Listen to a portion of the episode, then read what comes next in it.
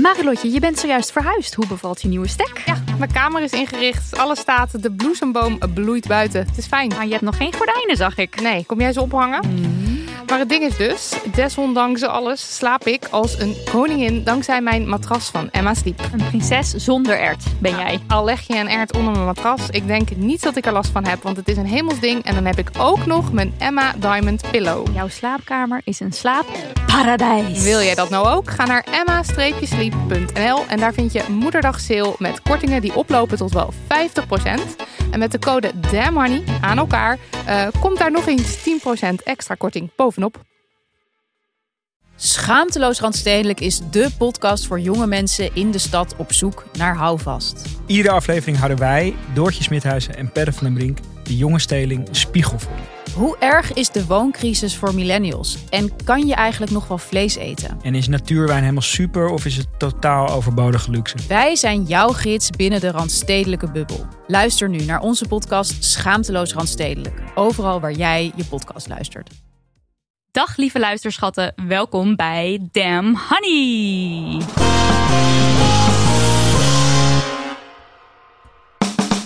De podcast over shit waar je als vrouw van deze tijd mee moet dealen. Uh, mijn naam is Nidia. Sorry, ik was helemaal, ik was helemaal uitgesproken.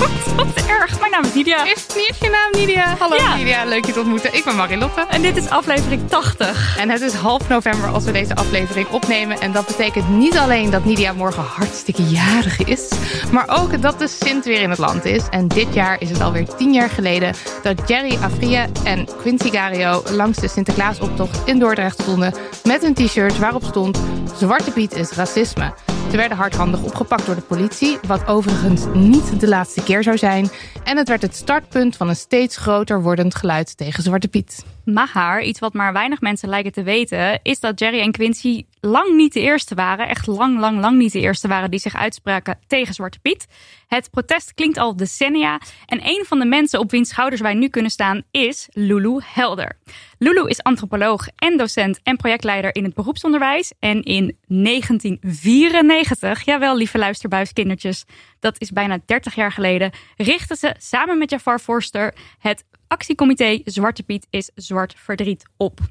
En uh, daar stopt het niet. In 1998 stelden ze voor om een wetenschappelijke bundel samen te stellen met essays rondom het Sinterklaasfeest en het figuur Zwarte Piet. En dat deed ze dan ook. Dat deed ze samen met Scotty Gravenberg en het kreeg de titel Sinterklaasje, kom maar binnen zonder knecht. Lulu, welkom. Dankjewel. Hallo. Hi. Ja, we gaan natuurlijk zo meteen uit, hallo luisteraars. Hallo. Uitgebreid duiken uh, in de archieven van het activisme rondom Zwarte Piet en uh, dus ook automatisch activisme rondom institutioneel racisme. Maar eerst, Marilot. Mm. De minst feministische actie die jij de afgelopen tijd hebt uitgehaald. Ja, uh, zoals iedereen, behalve Nidia, weet, heeft Taylor Swift een uh, remake gedropt van haar album Red. Dat wist je wel, want dat, je kon het niet missen, want dat was op Twitter all over the place. En er is een uh, nummer, All Too Well, wat in haar album van 2012 al op stond. Is, heeft ze nu opnieuw eruit gegooid. Heeft ze extra lang gemaakt. Het is 10 minuten lang. En het was al mijn zwelgnummer in 2012. En ik ben alweer dagenlang teruggeworpen in 2012. En ik sta weer hevig voor de, voor de spiegel playbackend dat nummer de hele tijd maar dramatisch eruit te gooien. Um, en dat nummer is, er gaat blijkbaar over haar korte maar heftige relatie met Jake Gyllenhaal. Wat zijn tijd, die ze blijkbaar heeft gehad. Ik had geen idee. En um, hij was toen 29 geloof ik, zij 20. Dus er zit een behoorlijk leeftijdsverschil tussen. En ze zegt ook in uh, in die nieuwe tekst zit de, zit de burn. Um, I get older, but your lovers stay my age. Wat ik echt een heerlijke burn vind, eerlijk gezegd. Maar ik als Jake Gyllenhaal fan uh, moest natuurlijk ook even opzoeken met wie die dan nu een relatie heeft. Want uh, klopt dit dan wel? Zou dat jij? dan inderdaad kloppen? Dat Hoe oud is hij zelf nu? Hij is nu 40. Oké. Okay. En ja, dat zou dan betekenen dat ergens dat hij nu ergens een, een vriendinnetje heeft van rond de 20. Ja. Uh, dus ik zoeken, klopt inderdaad. Deze man van 40 heeft een relatie met een model, of course, van 25 jaar. Dus ik zat er weer zo hevig ogenrollend dat op te zoeken. Zo van, oh my god, zo teleurstellend. Die mannen altijd maar, word eens volwassen, zoek iemand van je eigen leeftijd. Maar ja, waar ik dan volledig aan voorbij ga natuurlijk, is dat ik eigenlijk dan ook nog eh, dat, ik, dat, dat ik dan zeg maar vergeet dat deze vrouwen van 25 ook gewoon natuurlijk een eigen mening hebben. Ik doe net alsof deze vrouwen gered moeten worden van zichzelf. Want deze... Van die jonge poppetjes, die weten het allemaal niet zo goed. Ja, dat weet ik maar zo'n vent. En dan heb je zo'n zo'n zo'n zo'n vrouwtje... wat dus blijkbaar niet voor zichzelf kan zorgen... en dan weer trapt in die mooie praatjes. Ja, Dat is natuurlijk helemaal niet aardig van mij. En ook niet feministisch. klopt. Ja. En mijn ouders schelen 18 jaar, hè, dus ik mag niks zeggen Nee, over eh, leeftijdsverschil. Ze zijn nog altijd happy together. Maar mijn minst feministische sluit hier wel op aan. Want ik vind Taylor Swift dus een suffedoos. Ik heb een soort gevoelens van gezeur, mieperig type. Een beetje een soort meisje. Een soort niks zeggend meisje. Je bent niet de enige hoor. En de grap is dus, ik weet niks van haar. Ik weet Mm. echt niks van haar. Dit is enkel en alleen gebaseerd op dat je af en toe misschien een keer een plaatje of zo voorbij ziet komen. Mm. Ik ging ook dus googelen vandaag, want ik dacht ook, wat heeft ze dan gemaakt? Ik kreeg geen één nummer. Toen was er één nummer wat ik wel kende. Hoe heet het nou weer? Shake it off. Shake It Off, ja. De rest, geen idee. Dus ik weet niet waarover ze zingt, wat ze doet. Maar ik heb dus een image van haar van suf meisje. Nou ja, nou, ik, feminist. Toevallig ehm, heb ik me in haar verdiept. En is ze het ook? Nee, ik heb die documentaire gezien, Americana. ook niet. Ja, Heb ik ik ook weet niet echt En die niks. gaat over haar. En eigenlijk ehm, respecteer ik haar enorm. Want ze schrijft heel veel zelf haar eigen muziek. Oh ja, Die zie je, daar componeert ga je ze ook. Ja. En dat is met weinig zangeressen momenteel het geval. Die hun eigen nummers schrijven. Mhm. En componeren. En dat doet ze heel ontspannen met haar gitaar. Er zijn weinig zangeressen die een instrument spelen. Dus dat, dat bewonder ik ook. Dus er zijn echt wel meerdere aspecten die ik aan haar bewonder. En dat ze eigenlijk op eigen kracht met eigen nummers, door zelf te componeren, eh zo ver is gekomen. Vind ik echt bewonderenswaardig. En ook hoe ze met de muziekbusiness omgaat. Mhm. Ze probeert zoveel mogelijk autonomie binnen die eh, business te claimen. En dat is best wel lastig. Ja, want zij heeft En toen ook eh, tegen, voor. Ja. tegen Spotify een tijdje gezegd... eh, ik ga niet eh, mijn muziek bij jullie erop zetten. Want eh, Ja. Dat was ook best wel gewoon niet goed kennen. Ja, dat Die nummers kunnen. is ook gewoon niet in mijn... Ja. Ja, en ze wordt natuurlijk, want zij schrijft heel erg veel over de, of zij maakt haar liedjes over, eh, over nou ja, relaties, over liefde, over zeg maar heartbreak en dat soort dingen. En volgens mij wordt ze daar ook heel erg belachelijk om gemaakt. En dat constant, omdat het altijd maar gaat over, over liefde. Het gaat natuurlijk ook soms over andere dingen. En ze schrijft ook best wel feministische teksten, vind ik. Maar ik heb het idee dat het dan, dat het dan dus minder serieus genomen wordt bij haar of zo. Omdat het altijd maar over die liefde gaat. Wat ik heel flauw vind. over de liefde. hè? Ja, dat is liefde, seks en that's Ja. it. Maar het enige wat ik minder van haar vond... is toen ze bijna die één op één die show van Homecoming van Beyoncé kopieerde. Oh, dat heeft ze ook gedaan. af. Ah, Oké, oké, ja, ja. dat vond ik wel minder. Eh, eh, eh. En, maar goed, voor de rest heb ik voor haar als muzikant en zangeres ehm, heel veel respect. Ik heb zelf ook een tijd op het conservatorium gezeten. Ik had de ambitie om muzikant te worden. Ik speelde saxofoon. Ah, Dus eh, weet je wel, dat soort dingen vallen me wel op als een vrouw zelf schrijft, zelf Ja. componeert Ja. en als zangeres een instrument speelt. dit is ook erg cool. Is En je ook- mening ja. veranderd? dit, mijn mening is al veranderd. Maar ook eh, toen ik dit realiseerde bij mezelf, dacht ik al, dit slaat natuurlijk nergens op. Nee, Ik dat moest slaat even die op. realisatie Ja. hebben en er even Ja. over nadenken. Eh, lieve mensen die heel erg fan zijn, gaan nou niet allemaal boze mail sturen, want eh, Taylor Swift is hartstikke cool. I love Taylor Swift. Lulu, heb je ook een feminist, zoals we dat dan nou, noemen? vanwege al die coronamaatregelen ging dat concert met Burna Boy niet door. Ik weet niet of jullie dat hebben meegekregen. Nee. Nee. En eh, dat was maandag in de Ziggo Dome en ehm, ik geloof vrijdag in Rotterdam. En nou ja, een aantal mensen om me heen die klagen, beklaagden zich daarover. En toen dacht ik, oh mijn god, Burna Boy. Burna Boy is kennelijk heel hard. Ik moet toch eens naar zijn muziek gaan luisteren.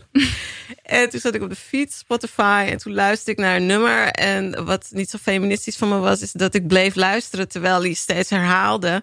Um, I'm in a room with um, Fela Kuti's host, weet je wel? En, um, en dat herhaalde die steeds. Toen dacht ik van, nou, nu moet ik het gewoon uitzetten. Maar tegelijkertijd was het zo'n studie van, wie is Burna Boy nou eigenlijk? nou, ik had ook Maar geen idee, dus ik heb het nu net snel Het gegoogeld. is jammer, ja. Ja, dat je dan Dat gewoon is jammer. geweldige muziek hebt, maar dan is het weer, weet je, dan is het weer over de host en de bitches. Dan denk ik, nou, jammer. Waarom is dat dan nou? nou ja, zo. Ja, ik begrijp het ook niet, want Nee. Anderson Paak heeft nu ook een nieuw album met Bruno Mars. En er staan ook wel wat goede nummers op. En dan begint hij weer over bitches. Dan denk ik, waarom? Pack, je hebt het niet nodig. Je Nee. muziek is zo goed, weet je. Maar Ja. helaas. Echt jammer. En ik vind dat zowel de N, het N-woord als eh, het B-woord in nummers, daar heb ik gewoon echt moeite mee. Het is niet een soort more- morele verontwaardiging, maar het is echt, ik heb er echt moeite Je mee om hem dat dan te ook. horen. Ja. Ja.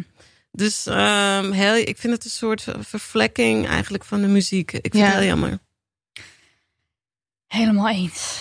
Tijd voor, Tijd voor post. Post, post, post. Eerst of course een leuk bericht van Bonnie. Hoi, ik luister sinds een jaar naar jullie podcast en ben helemaal fan. Dankjewel. Ik wilde even een succesmoment met jullie delen. Sinds drie jaar sport ik bij mijn sportschool en zag ik al een tijdje een groepsles. En, dat, en die heette Men's Strength.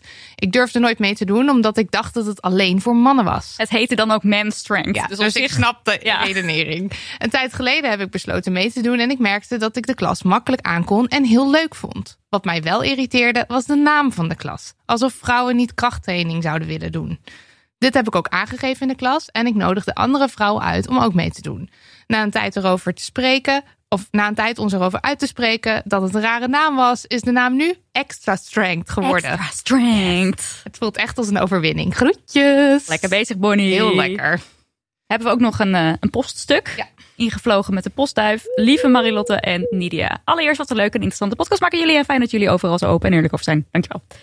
Ik schrijf mijn masterscriptie over een feministisch onderwerp. Namelijk hoe de zwangerschap van de premier van Nieuw-Zeeland, Jacinda Ardern, in de media werd afgebeeld. Tijdens het lezen van literatuur en het schrijven van mijn scriptie merkte ik dat ik door fases heen ging. Eerst vond ik het allemaal super interessant. Toen kwam lacherigheid om de bekrompenheid. Daarna verontwaardiging. Toen boosheid en lukte het mij niet meer om iets te schrijven of te lezen. En daarna kwam machteloosheid tegen het systeem. Nou, een redelijk herkenbaar rijtje wel dit. Nu de scriptie af is, zijn deze gevoelens veel minder, gelukkig. Maar soms voel ik, me, voel ik ineens een vlaag van boosheid opkomen als ik weer een situatie zie of meemaak waarin het systeem tegen vrouwen en of andere gemarginaliseerde groepen mensen werkt. Nu komt mijn vraag. Hoe gaan jullie om met boosheid tegen het systeem? Hebben jullie tips om hiermee om te gaan? Groetjes. Tips, tricks voor de boosheid. Ik de dacht, moeheid. eh, doorgewinterde activist aan tafel. Die Ja. gewoon al eh, heeft sinds de misschien wel 90s daar al stond. Herken jij dit? Die fases, maar ook de boosheid. Nou, en... ik zou in ieder geval, natuurlijk eh, was boosheid bij mij ook het uitgangspunt. Ehm, of nou ja, natuurlijk. Voor mij was dat, ja, ik, Jij was boos ergens was om. boos. Ja. En ehm, ik denk dat het altijd goed is om je boosheid om te zetten in actie. Want anders heeft je boosheid geen zin. En anders verteert het je ook. En dan kun je ook op een positieve manier daar eigenlijk... Het is een hele krachtige energie, boosheid. Hè? En ehm, het is ook een, ja, een energie die welkom is. Of die ik welkom heet. eh, als ik me boos voel. Maar probeer het wel inderdaad om te zetten in een actie. Er is eigenlijk er is zoveel te doen. Dus ja, er zijn zoveel organisaties waarbij je kunt aansluiten. Ehm, of, of protestmarsen waarmee je kunt meelopen. Dus ik zou het wel altijd omzetten in, eh, in actie. ja. ja. ja, ik merk ook wel dat als er iets gebeurt en wij doen daar dus wat mee, of in de podcast of op Instagram, of inderdaad dat we iets proberen op te zetten, dat dat altijd wel helpt. Maar toch is er ook wel een soort. Nou, vermoeidheid komt er op een gegeven moment. Vooral de afgelopen tijd. We zijn dus nu drie jaar bezig. En je Ja. probeert eigenlijk altijd alles mee te pakken of iets te zeggen of te doen erover. Dat dat op een gegeven moment wel komt. Nou ja, feminisme of gelijkwaardigheid willen is natuurlijk ook wel weer zo breed dat er, de- er komt elke dag dan shit. Dus dat komt dan maar weer zo Ja. over je heen en dan word je gewoon heel moe van. Ja. Eh, ja, maar dan bedenk ik me altijd wel vrouwen die, moe- die het moeilijker dan ons hebben. Weet je, Ja, als je oh ja. bijvoorbeeld Ja. kijkt naar Iraanse vrouwen. En ehm, laatst was die journaliste ook hier. Massi Alejinejad, hoe heet ze ook alweer? Sorry, ze was in de Bali laatst. Dat ze hebben haar onlangs geprobeerd maar- te ontvoeren in eh, Oh. Brooklyn. ja. als je Dus dat ik- het, vergelijkt, eh, ja. het regime. Maar kan jij En- die, die relativering, dat werkt Nou voor ja, jou? als ik naar haar kijk, die relativering, ja, die werkt. En als ik kijk naar eh, mensen die eh, voor me er zijn geweest, weet je wel, die ehm, ja, zoveel harder hebben moeten vechten, Mhm. zo'n veel Mhm. hogere prijs hebben moeten betalen. Ik bedoel, dat kan je eigenlijk niet vergelijken. Nee, dat is Nee. zo. En ehm, nou ja, ook vrouwen in andere landen, weet je, die het zoveel slechter hebben dan wij. En die maar doorgaan en die maar doorgaan.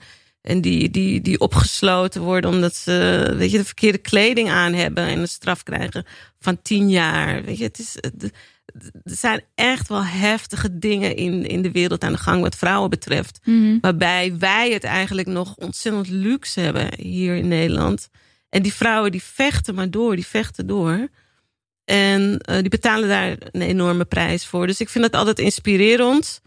En ehm, zo probeer ik het wel te relativeren. Ja. Ja. Ja, en we hebben dus het, het nee, tenminste ik heb het privilege om dus ook te denken, nu doe ik er even niks mee, want ik heb, want ik heb nu mijn rust nodig. Dat is het privilege wat we hebben. Omdat je Dat even je kunnen we telefoon doen. uitzet. Ja. Zo bedoel je dan. En dan als jij het hebt over eh, in andere landen, dan dat, die, daar hebben ze dat privilege niet. Nee. Dus in die zin, ja, ja, dan kun je dus kiezen voor je rust. Die luxe heb je.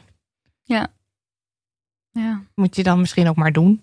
Af en toe, hè? Nou ja, je boosheid omzetten in actie vind ik gewoon een hele goeie. En Ja. eh, ook wat je zegt, het is een krachtige emotie. En als je merkt dat die komt, dan is er wat aan de hand. Dus het is ook heel goed om daarop Ja, voor te, precies. voor dat te niet te negeren. Ja. En dan de leestip, Raging... Raging... Hoe heet het nou? Raging with Fire. Nee, ik weet ja. eh, is het niet fonkelend van woede? Ja, Fonkelend van Woede heet het in het Nederlands. Ja. Ik weet niet hoe het in het, in het eh, Nou ja, dat boek gaat dus over woede. Ja. De kracht van de boosheid van vrouwen van Soraya Shamali. Ja. En dat gaat dus ook heel erg over dat vrouwen eigenlijk geen woede mogen voelen.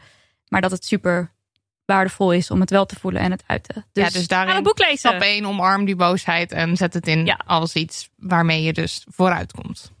Ja, je moet wel oppassen dat het je niet ehm, ver- verbrandt natuurlijk. Opbrandt, Als trouwens Massi Aladinejad, sorry, dat, die moet, dat moet ik eigenlijk kunnen uitspreken.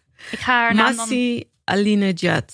Ze was in. Bali. ehm, ik ga haar naam even in de show notes zetten. Dan kunnen mensen haar nog opzoeken Ja. en haar verhaal lezen. Ja, je moet oppassen dat het je niet opbrandt. Want het is ook wel natuurlijk, als je geen verandering ziet, dan is dat ook enorm frustrerend. Ik weet bijvoorbeeld ook niet hoe zij dat doet. Want ja, zij wordt zo verketterd ook aan alle kanten. En hoe hou je dan toch die energie om te gaan, weet je Ja. Hoe hou je de energie om dan toch nog naar Europa te komen vanuit eh, Amerika en, en hier te spreken? Ik vind ja, echt eh, heel veel bewondering voor dat soort vrouwen. Mhm. Ja, en Ja. heel waardevol. Want weer zo'n eh, zo'n voorbeeld voor heel veel andere mensen. Ja, ze vroegen haar volgens mij ook een so- soortgelijke vraag in de Bali. En toen verwees zij weer naar vrouwen in Iran. Die Oh geen ja, stem hebben. Oh ja. ja. Dat Ja. zij eigenlijk de stem van de stemloze is. En ook die plicht voelt. Omdat die vrouwen zich helemaal niet kunnen uiten. ja. Dus daar haalt put zij weer haar inspiratie eh, vandaan.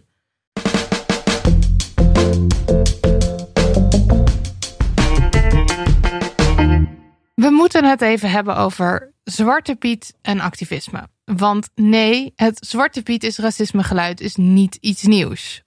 Of iets van deze tijd. En nee, de veranderingen gaan dus ook niet veel te snel. De eerste kritiek op Zwarte Piet, die bekend is bij de Black Archives, stamt uit 1927. Het is een stuk in tijdschrift De Groene Amsterdammer over racistische stereotypes in onder andere het Sinterklaasfeest. En dat is dus bijna 100 jaar geleden, mensen. Ja, en ook in de jaren daarna zijn er nog allerlei voorbeelden te vinden van protest en een tegengeluid. En in de jaren 70 en 80 werd het geluid steeds groter. En zo kwamen wij er bijvoorbeeld achter toen we wat onderzoek aan het doen waren. Dat je in de jaren 80 al basisschool De Blauwe Lijn in de Bijlmer had. Waar alleen pieten in allerlei verschillende regenboogkleuren bij het Sinterklaasfeest aanwezig waren. Dus ook in de jaren 80 was dit al gaande. En toen kwam daar dus het actiecomité Zwarte Piet is Zwart Verdriet in 94. Eh, en eh, Sinterklaas kom maar binnen zonder knecht, eh, de bundel later, die ik net ook al noemde bij de introductie. En ook die bundel is dus, als je dat leest, dan. Je, ik word daar dus ook boos van, maar ook verdrietig dat je denkt: waarom is dit niet algemene kennis? Waarom. Dit komt uit 98. Waar, wat, is er, wa- wat is er gebeurd dat dit. Ja, eigenlijk een soort van. Nou, niet, niet verloren is gegaan, maar toch ook deels gemist is. Waarom is het geen algemene kennis? Ja, waarom is het niet iets wat we gewoon allemaal weten? Waarom zijn al die argumenten die hier al lang weerlegd worden nog steeds gaande? Nou, dat allemaal. Al die frustratie die kwam bij mij ook wel boven. ja. Maar laten we beginnen met eh, de beweging Zwarte Piet is Zwart Verdriet, 94. Ja, Samen met Jafar Forster eh, opgericht. ja klopt. Hoe ging dit? Nou, ik liep op de Albert Kuip en ik kwam daar een eh, journalist tegen van Migrantentelevisie. En die vroeg aan ons wat wij van Zwarte Piet vonden. En ja, ik vond Zwarte Piet natuurlijk altijd al belachelijk.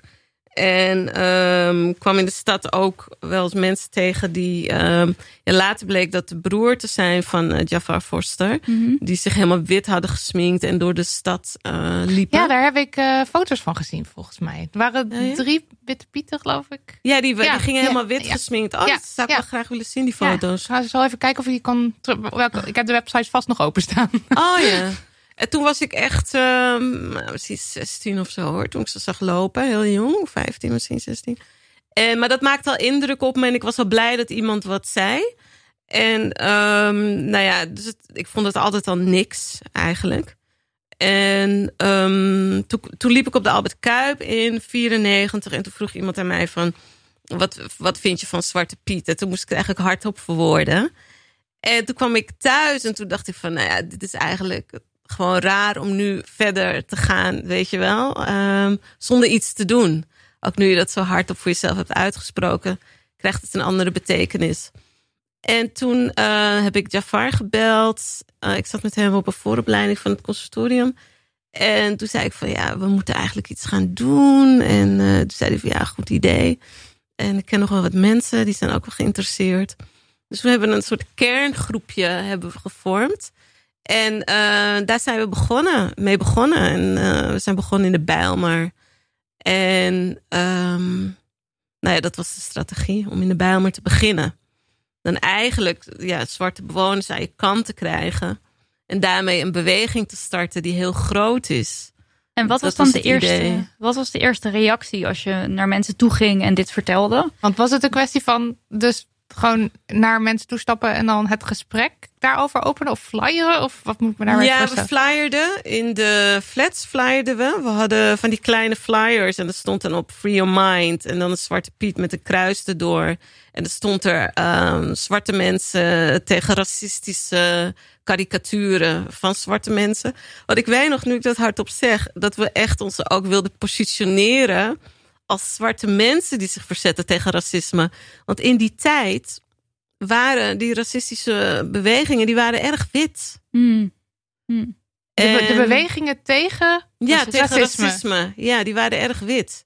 Ehm, en ook die, die, die demonstraties, als die er waren, dan waren die erg wit. Dus wij wilden echt ook een standpunt maken, weet je wel, van wij komen nu voor onszelf op. En wij zijn er tegen. Dus dat, dat zetten we ook expliciet op die flyers. Ehm, en dat deden we in brievenbussen in al die flats. En we, we plakten die overal op. En er stond ook de datum op waarop de demonstratie was. Dus dat mensen wisten van, dan konden ze, zich, eh, konden ze naar het Bijlmerplein komen om mee te demonstreren. En in de Bijlmer zelf deelden we ook flyers uit. En dat leidde natuurlijk wel tot gesprekken. Maar ja, zoals ehm Otmar Watson, een van de mensen die er ook aan meedeed, onlangs ook zei. Ja, heel veel mensen waren echt bang hoor. Echt, het, Hmm. het was zo'n andere tijd. Mensen waren gewoon echt bang om zich uit te spreken, ook op hun werk. Hè? Dat, dat onderschatten we echt. Maar er was echt een soort van. Het was not done om hier kritiek op te hebben. op Zwarte Piet. Ja, en zeker niet op je werk. Dus mensen hadden wel een bepaalde um, angst um, om zich hier tegen uit te spreken. Mm. En dat zag je ook op straat wanneer, wanneer je met ze sprak. Dus de grote revolutie vanuit de Bijlmer, waar we eigenlijk op gerekend hadden, ja, die kwam er niet echt. Die kwam, ja, die kwam niet echt, uh, die kwam niet op gang. De angst over, overheerste nog. En dat zie je nu ook met die um, Black Lives Matter beweging. Dat het eigenlijk ook als een soort van bevrijding voor heel veel mensen is. Die zich nu eindelijk veilig voelen om bepaalde mm. onderwerpen te sprake te brengen. Mm. Dus we hebben decennia gedaan alsof, ze, alsof er bij de media geen uh, racisme bestond. Hè, of ze daar geen last van hadden. Um, ja, toch een soort van erbij willen horen. Niet, bij, niet als anders gezien. Ja, ze werden wel als anders gezien. Maar niet zichzelf buiten de groep plaatsen. Um, die zich nu daar ook vrij over voelen. Om zich daarover te uiten. Um, dat was toen niet. De, men, de, ja. En heb je een idee waarom jij die angst niet had? Nou ja, ik was allereerst jong. Ja, hoe oud was je? Ik was um, ja, begin, ja, eind, ja, begin twintig was ik. En um, Ja, dan heb je gewoon ook niet zoveel te verliezen. Hm. Ja, dat het is. ja. Je hebt niet zoveel te verliezen. En ik ben ook heel erg opgevoed eh, als een dwarsdenker eigenlijk. Want bij ons thuis wordt erg dwars gedacht. Mijn ouders waren ook de eerste, eh, een van de eerste krakers in Amsterdam. Dus terwijl iedereen in de Bijlmer kraakte, kraakten mijn ouders in het centrum van Amsterdam. Dit is erg vet. En, Ja. eh, samen met de krakersbeweging hoor, overigens. Nog bedankt. En toen ehm, wilden ze ons ook uit het huis zetten. En mijn ouders ook voorpagina van een krant met mij als baby. En eh, toen moest die huisbaas er wel in laten. En, maar mijn vader, in tegenstelling tot veel Surinamers in die tijd, niet alle Surinamers, maar wel veel Surinamers, die hadden toch nog wel een beetje een onderdanige houding, weet je wel? Die, een deel niet, maar een deel wel. En die had weinig waardering voor hun eigen taal. Ehm, weet je, echt die, die koloniale houding eh, geïnternaliseerd. En mijn vader had dat niet.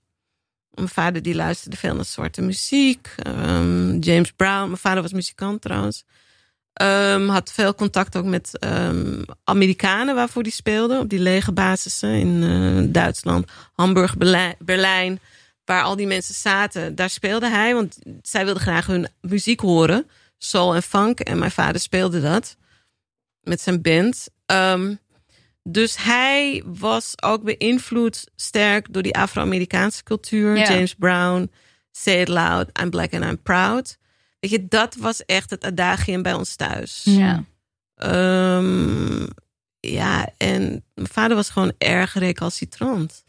En hij heeft mij ook als erg recalcitrant opgevoed. En mijn moeder, ja, stelde ook altijd de autoriteit ter discussie en Hmm. nam dingen niet makkelijk aan. Ik bedoel, zij, mijn moeder, wa- was een tienermoeder. En ehm, zij kreeg een, een huis aangeboden in eh Gliphoeven bijvoorbeeld. En als tiener zei zij gewoon van nee, daar gaan we niet, daar gaan we niet wonen. Weet je, afgelegen, ergens in the middle of nowhere. Ik bedoel, je moet maar Gewoon die... hard. Ja. En terwijl je ook maar een kind... kan je je eh, voorstellen, een tiener die ja. dat zegt? Ja. Ik bedoel, dat, dat, ver- dat vergt echt wel een mindset die behoorlijk ver is. Weet je, iemand die Ja. ook vooruit denkt. Dus ehm, ja, zij was ook heel eigenwijs op een goede manier. En nou ja, dat was de context waarin ik eh, opgroeide. ja. En ehm, hoe, eh, hoe ging het? Want eh, jullie gingen het- gesprek aan en jullie flyerden, ehm, maar jullie leefden toen naar een soort demonstratie, toch naar een protest, naar een datum waarin dan mensen dus samenkwamen en protesteerden tegen Zwarte Piet. Ja. Hoe, hoe ging dat? Eh, hoe was het in die tijd? Wat, hoe, ja, hoe ging het? Nou ja, je had dus, of dat heb je nog steeds, Marta Radio. En dat was, ehm, dat was van, ehm, ja, een jonge vrouw destijds, eh Shaila Gouré. En zij nodigde ons uit bij haar programma Uptown. Dat was een jongere radioprogramma. En daar kwamen we eigenlijk ook wekel, wekelijks om het hierover te hebben. En om eigenlijk jongeren te mobiliseren. Dat zie je ook in die eerste clip. eh, die staat nu ook op Instagram. Dan zie je dat het hele jonge mensen zijn die, die demonstreren. Ik heb het echt over 17, 18, ehm, 19. En ook wel generatie ouders zat erbij hoor. Want ehm Jafar Foster is van, ja, die, is, die was tien jaar ouder.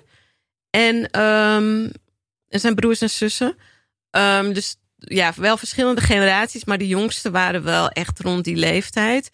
En via dat radioprogramma probeerden we dus echt mensen ook te mobiliseren. Dus het was en via de radio en gewoon door in de buurt eh, te flyeren. En terwijl je ook flyert, mensen, met mensen in gesprek te gaan. En kwamen er dan veel mensen op zo'n demo af? Ja, vergeleken met nu misschien totaal Nou, veel minder, ja, maar weet ik niet. het- eigenlijk wat je ziet in de beelden. Ik denk een stuk of vijftig Vijf- of zo. ja, nog best Ja. een groep. Ja. En wat was de reactie? Politie, Nou, het eerste jaar inderdaad konden we niet in de Bijlmer eh, demonstreren. Omdat ze dus ja, letterlijk ehm, de, de toegang blokkeerden naar het winkelcentrum toe. Want het idee Ehm, was dat jullie daar dan doorheen zouden. Ja, we zouden daar Lopen. doorheen lopen. Die winkeliers, nou ja, die, die scheten in hun broek. Die waren zo bang. Oh, daar hebben we trouwens ook nog eh, gesprekken mee moeten hebben met de winkeliers. eh, in een latere fase. Maar die, die waren ontzettend bang. Dus, ehm, Maar waar waren die Voor geweld? Voor geweld? nou ja, ze, ja, ze waren natuurlijk bang dat, dat ze hadden net die beelden gezien van Rodney King in Van 92. de LA. Ja, voor de mensen die dat niet kennen, LA riots, die zijn ontstaan omdat Rodney King eigenlijk de George Floyd was van de jaren negentig. Hij werd keihard in elkaar geslagen door, ehm, door agenten. En in de tijd dat er geen Twitter was en Facebook, et cetera, had iemand het wel opgenomen. En is dat toen via televisie is dat verspreid, CNN, en iedereen zond dat uit. En toen zijn er rellen ontstaan eh, toen die politieagenten werden vrijgesproken. En zij dacht op de een of andere manier dat wij er waren om ruiten in te slaan van Oh, die ja. winkels. En eh, ja, bizar eigenlijk. Maar goed, dus omdat, om eh, het kapitaal te beschermen, Ja. stonden ze daar. en werd onze eh, ja, vrijheid van eh, demonstratie, eh, onze grondrechten werden daarvoor even teniet gedaan. ja, wat ook niet de laatste keer zou zijn. Nee. Wat betreft het hardhandig arresteren. Maar ook Ja, het in Rotterdam hebben ze totaal laatst... uit de hand gelopen. Het is gewoon, het is gewoon bizar hoe je jezelf een moderne democratie kan noemen. Ik kan er niet bij hoor. En dat je dan demonstraties, eigenlijk een soort elementair eh, component van de democratie, hè? daar waar je aan kan afmeten of een democratie wel of niet werkt, namelijk of mensen vrijheid van meningsuiting hebben, ja of nee, dat je dat niet alleen de kop indrukt, maar dat je dat de kop inslaat. Ja. Daar moeten we het echt met z'n allen een keertje over hebben. Ja, Ook met de burgemeester van Rotterdam. precies. Mhm. Eh, naar aanleiding van laatst. Weet je dat? Het moet eigenlijk gewoon duidelijk zijn voor bestuurders dat dit niet kan. En wanneer het wel gebeurt, dat we met elkaar om de tafel moeten zitten. En elkaar even eraan moeten herinneren waar we leven en welke afspraken we met elkaar hebben gemaakt. Ehm, want het gaat nu te vaak vrij uit. Ja. Mm. Ja, ja het is gewoon het is volledig bizar. Ehm, en dat het dus ook niet verandert. Dat vind, ik- ja, ik vind dat elke keer zo. Typisch. Ja. Nou ja, de jaren daarna hebben ze ons wel laten demonstreren hoor. Maar jullie, wa- want wacht, jullie eh, zijn toen de stad. Jullie zijn toen eh, naar het centrum ook wel gegaan, apart, toch? Want we zijn naar het centrum gegaan en gek genoeg werden we daar niet tegen gehouden. Maar ging de politie dan wel bijvoorbeeld mee ja, ze of gingen zo? wel mee en ze vroegen ook. Ging ze dan eh, mee de metro in? Nee, nee, nee. Al daar heb je weer die lokale bureaus. Gingen ze weer zichzelf oproepen die dan? Oké, oké. Dus En- jullie hebben wel echt iedereen in repertoire Ja, ik wou net zeggen, dit klinkt echt alsof gewoon elk politiebureau in de stad is van, oké, alert, alert, alarm. Ze gaan nu naar de stad toe. Die 50 mensen. Maar goed, dat je de ook is het vrij eigenlijk? beheersbaar. Je, je hebt één ingang naar die poort toe. En de, de- daar nou, vormden ze dus die, die lange rij van agenten. Ja. En te paard, et cetera, et cetera. Oh, Maar in de stad hielden ze zich in. En ik denk ook misschien wel omdat het daar minder beheersbaar is. In de stad kun je echt alle kanten op rennen. En ehm, ja, nou ja, toen liep ik kan me nog herinneren dat er een agent meeliep. En die vroeg steeds van eh, in, in de meute bij ons van wie is Lulu? Wie is Lulu? Weet je, en iedereen deed alsof zijn neus bloedde. Ja. Maar ehm, daar lieten ze ons onze gang gaan. En gingen jullie dan, had je borden of ging je iets roepen? Of hoe, hoe werd duidelijk gemaakt wat jullie case was? Waarvoor jullie daar liepen? Nou, we hadden eh het boek van eh, Rahina Hassan Khan. Ook al ben ik zo zwart als roet. Daar hadden we eh, stukjes uit gehaald. Want we geloofden nog in het publiek informeren. Het publiek wilde natuurlijk helemaal niet geïnformeerd worden. maar dan heb je van die mensen die zich totaal niet eh, verdiept hadden in de geschiedenis. En dan met onze discussie aan wilden gaan. Weet je wel, heel bedweterig. Van nou, wat zijn jullie dom? Wat zijn jullie dom? Jullie weten toch helemaal niet waar dit over gaat? En waarom zijn jullie dit aan het doen? Maar wij wilden nog het publiek ehm, informeren. En wij ehm, hadden dus stukjes tekst ook uit haar boek gebruikt. En die op een A4'tje gezet met allerlei achtergrondinformatie. En dat deelden we uit. En dan kwamen mensen, vooral eh, wat oudere mensen, die kwamen dan naar ons toe. En die gingen ons wel uitleggen hoe de vork in de steel zat. En dan gaven we zo'n ding, maar daar waren ze totaal niet in geïnteresseerd. Maar Nee. we deelden dat wel uit, weet je wel, in de hoop dat toch ergens het kwartje zou vallen. En tegelijkertijd deelden we die flyers uit. Dus echt A4'tjes met tekst, informatie van Rahina Hassan Khan. Ook nog bronnen, keurig de bron erbij, echt waar. Wordt nog aan gerefereerd trouwens in het boek eh, Cultuur van het Alledaagse. is een, staat een eh, hoofdstuk in Het Feest. En dan, en dan zegt iemand van ja, ze leunde heel erg op het werk van Regina Hassan Khan. Maar dat, dat was geen geheim, want de bron stond gewoon op, Op dat- die dingen, Ja, op die ja, blaadjes. ja, er stond gewoon de bron bij. Zodat mensen zich ook konden realiseren dat we dit niet eventjes zo ehm, ergens vandaan toverden, maar dat, het, dat, dat er over was nagedacht. Hè? Dat Ja. mensen hier ook over hebben geschreven. Ehm, dus er was een oprechte poging tot een in- inhoudelijke dialoog.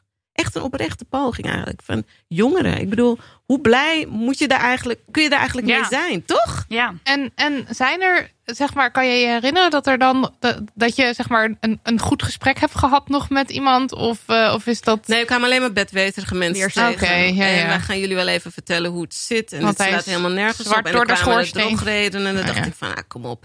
Wij verdiepen ons er helemaal in. En dan kom jij met deze luie onzin aan het zitten. Ja. zetten. Er is ook een bepaalde arrogantie. ehm, ehm, ja, die, en die, die, die heel vermoeiend was. Ja. Ja, Over vermoeiend is- gesproken. Die, die drogredenen, nou, dat, dat was gewoon heel vermoeiend. Dat jij je erin verdiept, maar dat de andere blijft hangen op dat niveau. Weet je, dat is gewoon om daar steeds mee in dialoog te gaan. Op een gegeven moment had ik daar geen zin meer in. Nee, en, en dat heeft ook gewoon geen zin. Want dit is niet, dit zijn geen mensen die willen luisteren. Ook. Nee, en dan zit je wel bijvoorbeeld Radio Noord-Holland zit je dan of zo. En dan praat je met die journalist en dan, dan gaat het weer over de clichés. Maar dan denk je van, oké, ik moet scherp blijven. Ik moet het blijven noemen, want er luistert ook een publiek, weet Ja. je. En die kan je misschien wel overtuigen. Maar om steeds dat soort journalisten tegen te komen, dat soort mensen tegen te komen. Ja, mm, ik ben sowieso, ik heb niet zoveel geduld, sowieso niet in het leven. Dus eh, ja, aan mij was die taak op een gegeven moment niet meer besteed. En in 98 dacht je van, oké, laten we dan ook een bundel maken. Een wetenschappelijke bundel. dat was, Dat was jouw idee, toch? Ja, dat was de verdieping, zeg maar. Ehm, gesproken over inspiratie en vrouwen die het slechter hebben gehad. Ehm, ik had het boek gelezen, dat was eigenlijk mijn inspiratie. Ik had het boek gelezen van Harriet Jacobs. Dat heet Incidents in the Life of a Slave Girl. Zij ehm, heeft dus ten tijde van de slavernij, naar het noorden ontsnapt. En heeft toen een boek geschreven. En dat heet Incidents in the Life of a Slave Girl. En ik vond de omstandigheden waaronder ze dat heeft gedaan. En het feit dat ze een boek heeft uitgegeven, weet je, in die tijd. En zichzelf heeft leren lezen en ehm, heeft leren schrijven. En dat, het is een prachtig boek, is het over haar ervaringen als tot slaafgemaakte. Dus echt van binnenuit. Ehm, dat vond ik zo inspirerend. Dat ik dacht van, nou ja, in deze tijd moeten wij dat toch ook kunnen. Dat je een boek schrijven over onze ervaringen, over hoe het nu is. Ehm, dus dat was eigenlijk de motor. En toen ben ik naar ehm EPO-uitgeverij gestapt. Die dus al ook heel, vind ik ook heel bijzonder, een Belgische uitgeverij. Die altijd in de Bijlmer aanwezig was. Hmm. Dus eh, ze publiceerden sowieso hele progressieve schrijvers en ehm, verhalen die aandacht verdienden over onrecht, on- on- ongelijkheid. En als er een event was in Kwaku, het jongerencentrum in eh, Zuidoost, dan waren zij daar altijd met hun boeken. Hmm. En was het een Belgische uitgeverij? Ja, het is, het is bestaan nog steeds. EPO is een Belgische uitgeverij. Maar die kwamen dan, zeg maar, fysiek vanuit België naar de stand. Ja, ze hadden hier een vertegenwoordiger. Ehm, zij heeft ook een, stuk geschreven in het boek, Jo. En ehm, ja, zij waren altijd hier. Dus ze hadden hele warme banden, letterlijk met de Bijlmer. En daardoor waren ze voor mij ook heel toegankelijk. Hmm. En ik had ook al contact met Jo. En toen ben ik naar haar toegestapt op een van die avonden in Kwaku. En toen heb ik gevraagd of ze geïnteresseerd zouden zijn in een dergelijk boek. Toen was zij meteen heel enthousiast. Dat, dat is wel heel fijn. Dat je zo meteen in een warm bad terechtkomt. Dat je denkt, oh ja, Ja. nu kunnen we gaan schrijven. En toen is ehm, de, de, de, de hoofdredacteur van die uitgeverij is toen naar Nederlands, Nederlands, Nederland gekomen. Ehm, en daar hebben we toen een gesprek mee gehad en die was ook enthousiast. Hij werkte in Nederland samen met uitgeverij De Geus. Oh ja. Ehm, daar werkte ze echt direct mee samen. Dus hij zou hen ook benaderen om te vragen of ze ook mee wilden doen. Hè? Dat betekent dat zij ook de promotie voor je doen in Nederland en zo. Maar de Geus had helaas geen interesse. Ehm, maar toen heeft EPO het alleen gedaan. Wat Hmm. ook heel moedig is. Ja, dat ze toch doorgezet hebben. Ja. En voor het boek, eh, het, zijn, het is eigenlijk een verzameling aan verschillende eh, essays. Ja. Jullie hebben verschillende mensen gevraagd. Hoe kwamen Ja. jullie bij eh, deze mensen uit? Nou ja, we wilden geen elitair boek. wat alleen, weet je, waar alleen wetenschappers een bijdrage aan leverden. Dus we hebben ook echt gewoon ehm, de ervaringen van moeders, Moeders, ja, zitten ook in. hebben we ook meegenomen.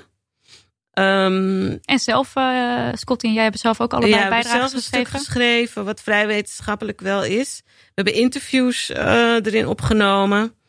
En het zijn eigenlijk allemaal ehm, ja, verschillende vormen in ja, die interviews. Sinterklaasgedichten met een knipoog. Ehm, nou, die wetenschappers die heb ik gewoon gemaild en gevraagd of ze interesse hadden. En een van de wetenschappers, Diana Vreese, die dus dat stuk heeft geschreven over wijsheid in feesten, die had mij al in 94, nee, in 95 had ze mij benaderd. Of in 94. Want ze had ons gezien Oh, bij, eh, in het nieuws van AT5, bij die demonstratie. Oh ja. En op de een of andere manier is ze achter mijn adres gekomen. Ze heeft mij eh, toen dingen opgestuurd. En ehm, dus haar kende ik als eerste. Toen heb ik haar ook benaderd of ze een stuk wilde schrijven. En eh Rahina Hassan Khan hebben we ook nog gevraagd, maar die wilde niet. Ik denk dat zij ook moe was. hm. Zoiets kan me herinneren dat ze er gewoon geen zin meer in had. Ehm, en zo hebben, een aantal mensen, hebben we een aantal mensen gevraagd. En waren dan de mensen die bijdrage hebben geschreven, waren die dan allemaal zo van... Ja, laat ik dit eens op papier zetten. en, en Let's twee go. mensen staan er niet eens in die wel een stuk hebben geschreven. Oh, dus het was wel echt ook veel mensen. Want je, we hebben het natuurlijk net even over angst gehad en over je uitspreken hierover. Maar dat was dus wat betreft dit boek. Nee, Minder nee, dat was, gaande. ehm, dat was oké. En er stonden nog twee Amerikanen stonden erin. Ehm, Blakely stond erin, die ook dat boek heeft geschreven. Blacks in the Dutch World. Hij had ook een hoofdstuk geschreven. En hij gaf op dat moment les op Howard University. Is, best, is echt een gerenommeerde wetenschapper. Maar hij was ehm, heel mild over Zwarte Piet in zijn stuk. En Toen was jij zo Maar van... toen dacht gaat er no. en toen vroegen we aan hem of hij, weet je wel, of hij er nog eens over wilde nadenken over zijn stuk. En toen eh, zei hij van, nou nee, dit is mijn stuk. En toen zeiden we, ja, sorry, maar dat kunnen we niet plaatsen. Ja, maar het is natuurlijk ook zo dat mensen al mild genoeg denken over Zwarte Piet. Dus dat heb je ja, niet nodig. wij hadden van hem echt ook een, eh, weet je, een ander fire. perspectief. Maar hij had zoiets van, ja, die Zwarte Piet, die is al aan het veranderen. En dat zie je al, want vroeger was het een man waar je bang voor moest zijn met roe en zo. Maar nu is hij heel eh Een beetje mild. Maar wij hadden, nee, nee, als je een stuk schrijft, dan, dan moet dat kritischer, dan moet dat harder. Dus ehm, we hebben zijn stukken uitgehaald. En er was nog een, ehm, een professor, Amerikaanse professor Brown, die gaf les in Utrecht als gastdocent. Die had ook een stuk geschreven. En die begon heel mooi, die begon heel kritisch. Maar naarmate dat stuk vorderde, werd hij ook heel mild over Zwarte Piet. Ik vond dat echt bizar, want ik vraag me af of zij ook zo mild zijn over blackface in Amerika. Hè? Ja. Ja, want je Maar zou ik- denken dat het, dat het keihard juist Want ik, ik heb vanuit dat perspectief. Precies. Ja, gewoon zo. Precies. En als je denkt aan, want als ik, als ik denk aan, eh, als, als ik mensen zeg maar uit, eh, uit Amerika vertel over onze traditie Ja. van Zwarte Piet, Ja. zijn ze allemaal Ja. zo van, What the "What fuck?" the Ja. fuck? Wij begrepen er ook helemaal niets van. Ja. Dit hadden wij nooit verwacht. Nee.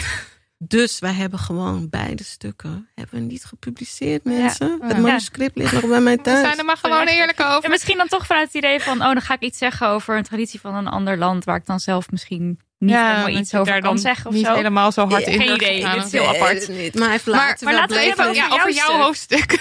Want Oh, je- ja. jij schrijft bijvoorbeeld over ehm, eh, Zwarte Piet en Sinterklaas en de machtsverhouding en hoe ze nu geportretteerd worden. Weet je, maar dat dat dus niet uit het niets komt, maar dat dat het resultaat is van een soort eeuwenlange beeldvorming.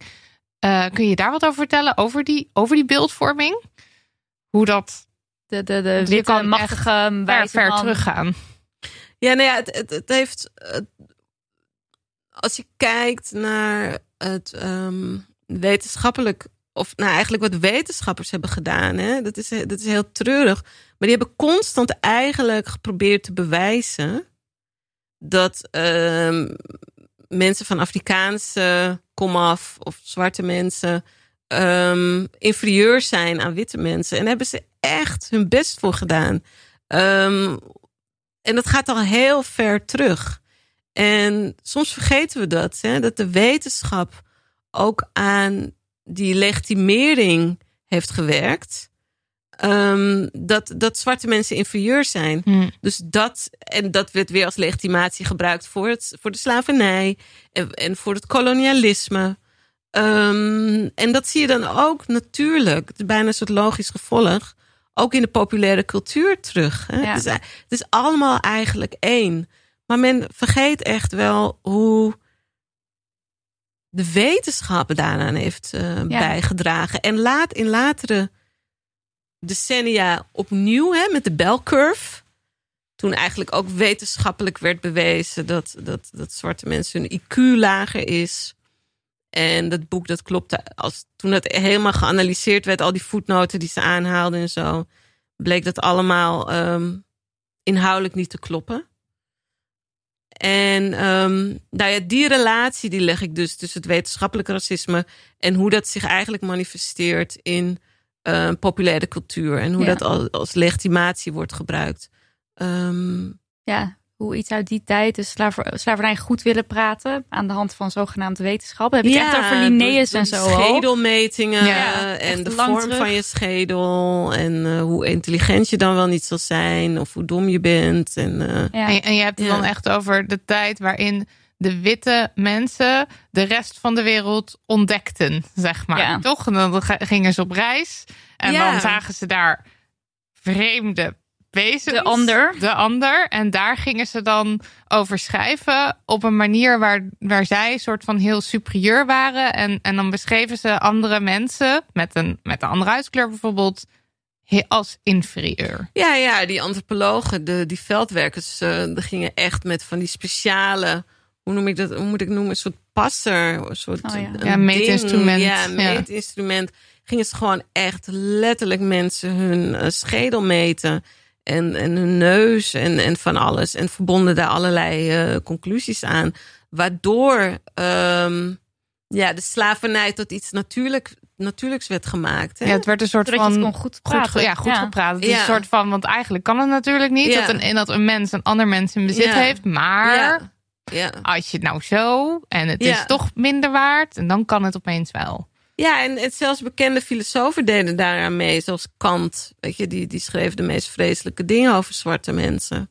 Ehm, ja. Ja, allemaal wat we nu nog steeds, wat ik bedoel, de Linnaeusstraat. en zo. je hebt allemaal gerespecteerde wetenschappers die al dit soort dingen Ja. gezegd hebben Ja. en geschreven hebben. En eh, Ja. ja, en nog steeds is het zo. Want ik bedoel, als ik, als ik nou ja, nu niet meer naar het lezen van jouw stuk, maar het is wel zeg maar.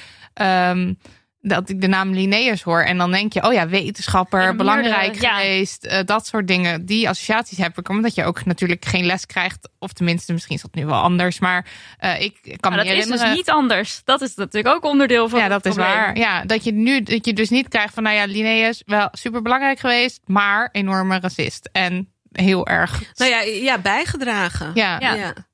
Aan, aan, aan, die, aan die raciale theorieën.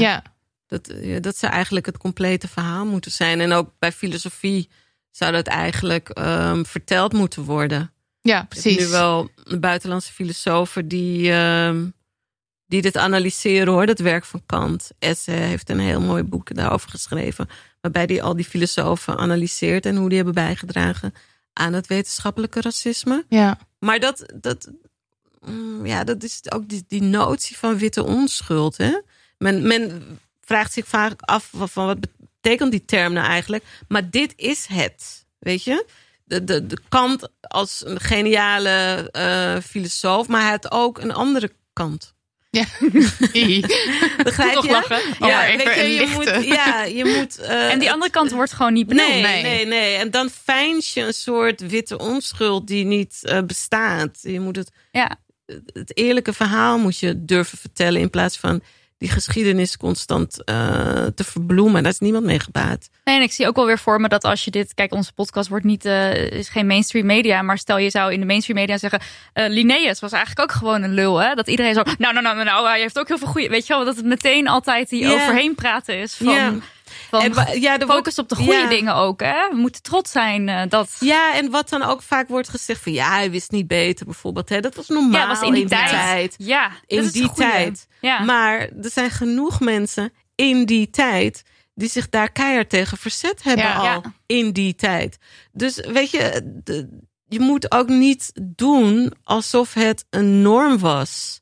Ehm, Ja, witte norm dan. ja, ja, ja. Een, een, een Ja, maar niet alsof norm. iedereen dacht van dit is een Oh ja. idee. En dat is wel hoe het gepresenteerd wordt. Want volgens mij staat het ook in Sinterklaas komen binnen zonder knecht. Dat iemand zegt dat er in een interview of op tv dat er dan ook weer iemand was die zei ja, maar eh, in de tijd van de slavernij was, vonden we dat oké. Dat, nou ja, dat ergens zei heb ik zo'n zinnetje ehm, gelezen, maar dat het is laatst, laatst. ook weer gebeurd. Dat iemand het vergoeilijkt door te zeggen, ja, maar toen keken we daar heel anders naar. En terwijl Ja. er toen ook al protest en- Precies, en precies. Ja, tegengeluid dat zei ik was. laatst in Tivoli. Zei ik dat bij, dat, eh, bij, dat, bij die meeting van tien jaar ehm, ehm, Zwarte Pieters racisme. Racisme. Dat er stond een artikel van Philip Dreugen stond in de krant. En daar zei hij van bijna iedereen vond slavernij destijds normaal. Maar goed, weet je, dat bijna iedereen, ehm, dat moet eigenlijk in koeienletters staan. Want niet iedereen vond het normaal. En het is natuurlijk, weet je, het bizarre is, hè? Dat we de neiging hebben om trots te zijn over ons verleden. Weet je, daar mag je trotse gevoelens over hebben. En er wordt de VOC aangehaald, wat, ik sowieso heel raar vind. Maar goed, daar is men dan trots over. Maar als je dan die vrede geschiedenis ehm, wilt belichten, dan zegt men opeens van, oh nee, nee, nee. Maar goed, daar hadden wij niets mee te maken. Maar goed, als je er niets mee hebt te maken, dan hoef Waarom je ben ook je dan niet trots? trots te zijn Ja, op het verleden. Ja. Weet Picky, je, eh, pick a cherrypicking. lane. Ja. Hè? Ja. Dan moet je helemaal afstand nemen van je eigen geschiedenis. Wat natuurlijk niet mogelijk is. Dus dan moet je beide kanten van de medaille moeten willen zien. Ja, als je, als je trots bent, neem dan ook de verantwoordelijkheid voor de andere kant van de medaille. En het is niet dat jij zegt van oké, mijn voorouders hebben het allemaal. eh, ik voel me schuldig vanwege mijn voorouders. Dat niet.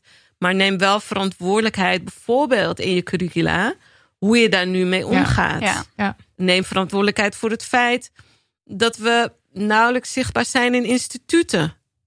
Weet je, na zoveel decennia. Ehm, op, of, of in media nog steeds vrij onzichtbaar zijn. Ehm, of maar een paar op enkele plekken zitten. Ehm, in besturen van scholen, in besturen van banken, et cetera. Het gaat zomaar door.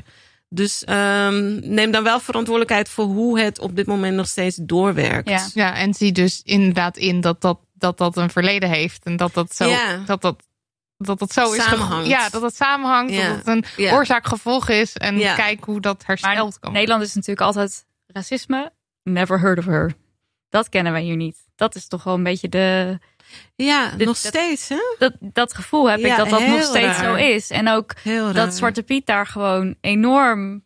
eh, ja, dat ook blootlegt ook heel erg. Dus juist doordat mensen dan zeggen van hé, hey, misschien kunnen we Zwarte Piet even niet doen. Terwijl het natuurlijk, het gaat eigenlijk niet om Zwarte Piet. Daar, gaan we, daar kunnen we het zo ook nog even over hebben. Van als Zwarte Piet nu op, meteen weg, dan zijn we er nog lang niet. Maar dat mensen daar zo fel op reageren en helemaal niet willen inzien dat het, dat het een veel groter probleem ook is. En Ja, dat vind ik ook wel apart. Want ik ging met ehm, studenten naar ehm, het Zwart Manifest, wat nu een eh, expositie is in Orkam. En ehm, dat gaat over zwarte emancipatie. En er wordt natuurlijk ook racisme aan de kaak gesteld. En toen zei een van die studenten ook tegen mij van ja, maar dat, dat gaat toch helemaal niet over Nederland. Dit is meer in Amerika. Hmm. Ja. precies. van, ja, maar dit hoor je echt Ja. ook veel hoor. En dan denk ik van, maar hoe dan? Alles, als je om je heen kijkt, dan zijn wij nergens eigenlijk gerepresenteerd. Niet eens in de bijl, maar ik bedoel, tot voor kort zaten we daar niet eens in, in het dagelijks bestuur van de politiek. Dat is ook allemaal bevochten moeten worden. Ehm, als je op de, HBO's, op de universiteiten kijkt in Nederland, we zijn daar niet vertegenwoordigd. En we hebben net die toeslagenaffaire gehad. Ik bedoel, hoe dan? Weet Ja. je, hoe kan je dan nog denken dat het hier geen eh, issue is? Het notabene in de Bijlmer, waar kinderen statistisch gewoon echt minder kans hebben om naar het VWO te gaan, omdat Mhm. hun eindadvies, ook al scoren ze hoger op de eindtoets, het wordt niet bijgesteld. ja. En dan wordt er het probleem bij hen gelegd van, oh ja, ze moeten bijlen, ze moeten naar zomerschool, ze moeten naar dit, ze moeten naar dat. Maar zodra die kids dan door die bijlessen, door die zomerscholen, uiteindelijk hoger scoren, bijvoorbeeld op hun eindtoets, hè, die in mei is, wordt dat advies wat ze in januari hebben gekregen niet bijgesteld. Nee. Dus krijgt Pietje VMBO-T en hij scoort HAVO-VWO op zijn eindtoets, dan krijgt hij VMBO-T-advies. Dus, um, en dat is geen licht probleem hoor, want daar begint het wel. Het begint wel ook met die schoolladder en je schoolsucces en al die dingen. En, en doorstromen, wel of niet kunnen doorstromen naar het HBO en uh, het VWO. Dus daar worden ook al enorme hindernissen op geworpen. Um, ja, die gerelateerd zijn. Het is overal. aan die gemeenschap. Racisme is een groot probleem in Nederland ook. Ja, Maar Nederland is tolerant. Ja. En in Nederland zijn wij- Nederland. Dat is het beeld wat men heeft op, over Ja. Nederland op een of andere manier. Hey, hoe, ehm, wa- wat, wat eh, met de protesten, met je boek, wat kregen jullie uiteindelijk voor elkaar? Wat was het resultaat? Uh, nou ja, dat, dat, dat protest leidde ertoe dat op een gegeven moment het um, bestuur van basisscholen in Amsterdam Zuidoost wel ingreep in 97, nadat we een petitie ook hadden aangeboden aan de wethouder van onderwijs. En die verboden Zwarte Piet op basisscholen. Um, nou, dat, dat vond ik gewoon heel goed. Ik vind dat je daar gewoon duidelijk in moet zijn. En um, de liedjes moesten ook aangepast worden. En dat boek, ja, dat boek, dat is natuurlijk erg doodgezwegen in de jaren negentig. Er was ook Mm. geen media-aandacht voor. Nee, en ik, wat het bizarre wat ik er ook van vond, is dat een paar jaar later schreef iemand een uh, scriptie notabene over ons boek en had ze ook ideeën eruit ge geleend, tussen aanhalingstekens. En die won de, scriptie, de Nationale Scriptieprijs, weet je wel. En dan denk ja. ik van, oh, oké. Dus als een, een, een ja, ja, ik, ik vond het echt bizar. Ja, Ja. Um, ook omdat, ja, dat boek werd ook echt geen recht aange- aangedaan in, dat, in die scriptie. Um, maar dan denk ik van, dat wordt dan helemaal doodgezwegen. Terwijl er zoveel prominente mensen in staan, hè? want hoe ging dat dan? eh, jullie gingen dat dan naar, uitge- naar, eh, naar tv-programma's sturen of zo? Of, Ja. En kreeg je dan nooit iets terug? Of hoe werkt dat? Nou ja, je werd uitgenodigd en dan werd het gecanceld. Dus dat je werd uitgenodigd gebeurd. en dan lazen ze het. Ja, En dan Sonja ze- Barend bijvoorbeeld, dat is het bekendste voorbeeld. Maar er waren nog meer voorbeelden, ook bij de VPRO. Maar was Sonja Barend, want ik heb, ik heb, een, ik heb een, een fragment zitten kijken van Sorry Sonja Barend, maar dat was 1997. Dat was Ja, voor- dat is 97 jaar. Dus toen dit boek uitkwam, toen werden we opnieuw uitgenodigd. Ah, En dat, en dat werd gecanceld. Ja, ja. En ehm, ja, er was weinig. Er zijn wel wat kranten die hebben een interview ehm laten. Ja, die hebben een interview gevraagd en gepubliceerd. Maar we zijn niet meer op televisie eh, Hmm. verschenen. Ook niet op AT5 trouwens. En ehm, oh ja, want op AT5 heb je wel eh, je, een van je eerste interviews. eh, Ja. Is dat eigenlijk terug te kijken? Nou, er er zit een heel klein stukje op Insta. Oké, nou gaan we ook Ehm, even in de ja. show notes zetten zit dan. daar een stukje. Oh nee, nee, nee, nee, helemaal niet. Sorry. Oh. Nee, nee, nee, daar zit geen.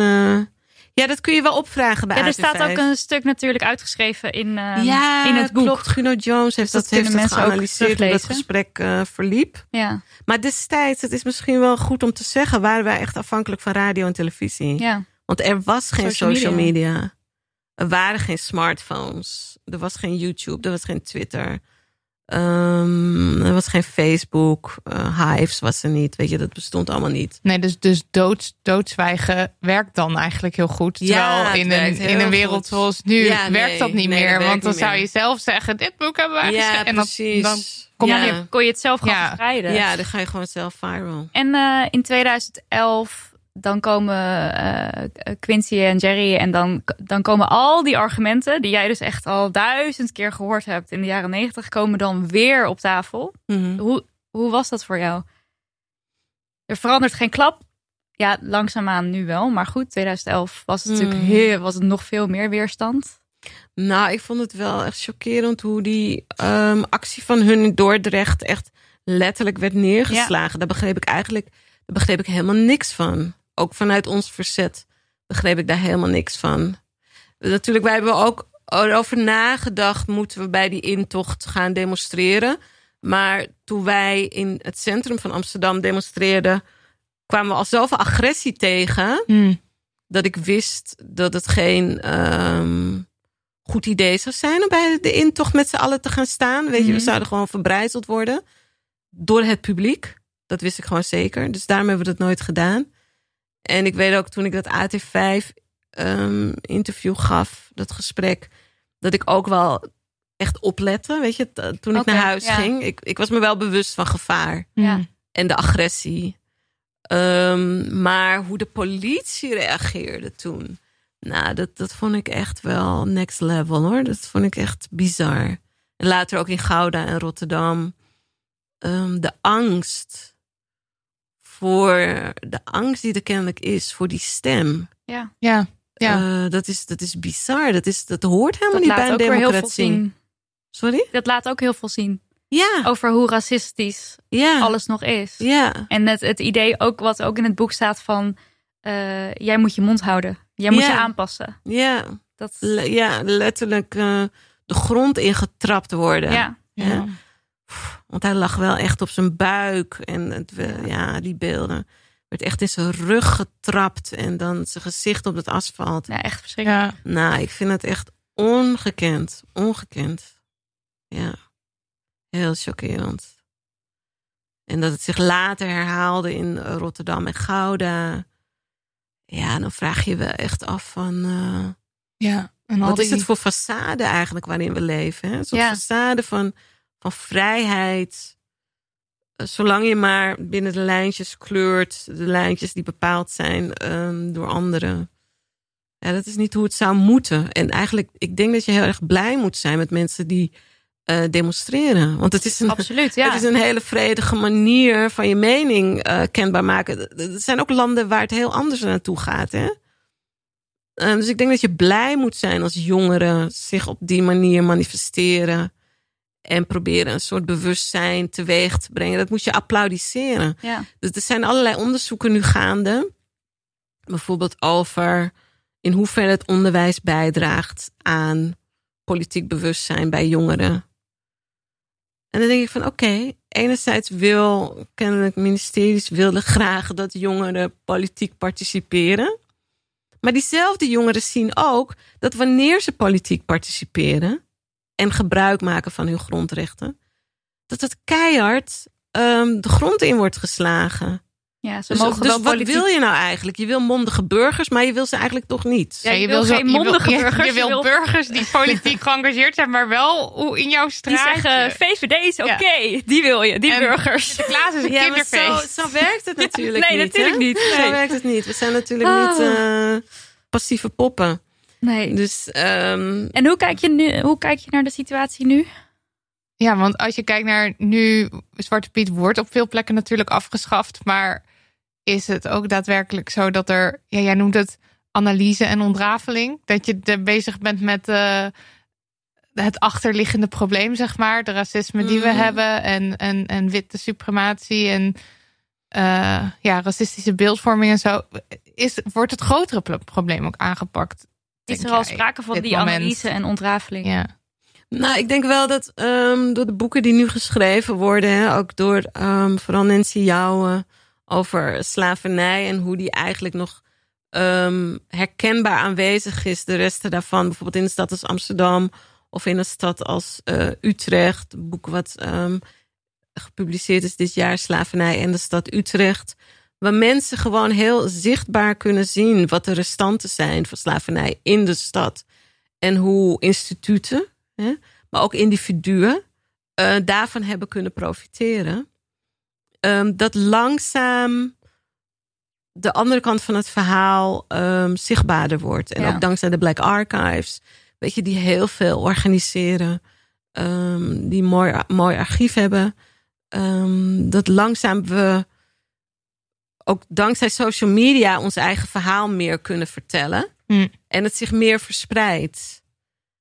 Ehm, dus ik denk dat er heel veel wat dat betreft veranderd is ten opzichte van de jaren negentig. En Alleen al die kennis die vrij is gekomen, weet je wel, daardoor. En al die jonge mensen die daar weer in ge- geïnteresseerd in raken. En daar verder onderzoek aan mee gaan doen en publiceren. Ehm, dat is wel echt een verademing. Ja. Ja, en dan, dat, ja, dan, jullie hadden het A4'tje met alle bronnen. En nu heb je gelukkig social media die dan Ja, Dat soort van Ja, we leven echt in een andere tijd wat dat betreft. Ja, Ja. Maar hoe kan het nou eigenlijk dat we jouw naam ook dus niet al duizend keer hebben gehoord? Zo van, hey, activisme, Zwarte Piet, Lulu, die was daar altijd al sinds de jaren negentig. Ja, ik denk echt dat dat, als je naar de geschiedenis kijkt, dat dat een beetje het lot is van zwarte vrouwen. Dat ze vaak vergeten worden welke rol ze hebben gespeeld in de geschiedenis. Ik weet, het was in 2019.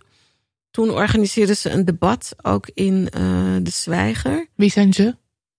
Dat was. ehm nou ja, dat was zo'n themaavond over Oh, echt? geschiedenis. Ah, vanuit eh, Pakhuis de Zwijger Ja, werd- vanuit ja, Pakhuis de oké, Zwijger. ja. Geschiedenis van het verzet tegen Zwarte Piet. En toen zag ik een foto met onze spandoeken die werd gebruikt op de website. En ik was benieuwd wie daar uitgenodigd was. En dan zou je verwachten dat ik uitgenodigd zou worden of Jafar Vosteren, namelijk de mensen die het gestart zijn. Of, eh, of eh, ja, prominente mensen die daar aan mee hebben gedaan. Maar dat, dat was niet zo. En ehm, ik heb toen min of meer eigenlijk mezelf daar eh, moeten uitnodigen om ons verhaal te vertellen. Weet je, Ja.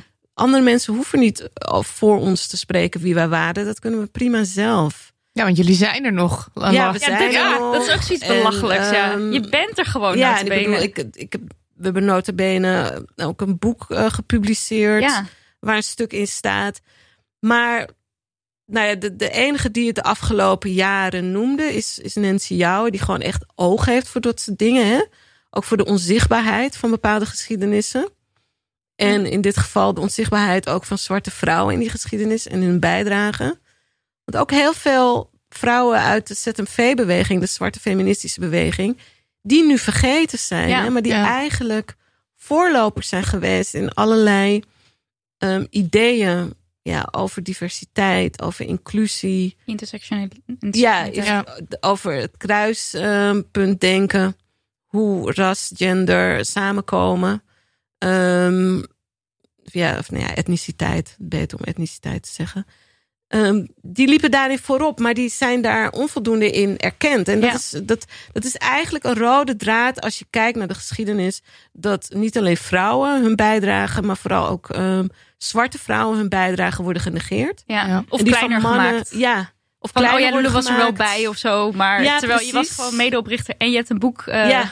weet je wel. En Maar je hebt dit dus boek, niet Dat eens. was niet simpel, want ik heb dat dan met een man gepubliceerd, Scotty Gravenberg. Maar toen wij interviews gaven in België, keken die journalisten alleen hem aan en stelden ze alleen vragen aan hem. Oh, typisch. Ja. Of dan werd er uh, ja, werd gedaan alsof ik een soort van uh, assistent was of zo. Secretaresse. Ja, of dat hij zijn namen vanzelfsprekend aan dat hij het boek geïnitieerd had. Hè? Ja. Jij dat hebt gedaan. ik- Laten we dat Ja. nog maar een keer even heel erg Ja, dus het is, duidelijk op tape hebben. Ja. dat was wel ook, dat zijn ook allemaal wel ja, vervelende dingen nog boven al die racistische zaken die je dan als zwarte vrouw meemaakt. Dat Ja. je heel erg geconfronteerd wordt met het seksisme en dat eigenlijk je bijdrage aan die geschiedenis genegeerd wordt. Ehm,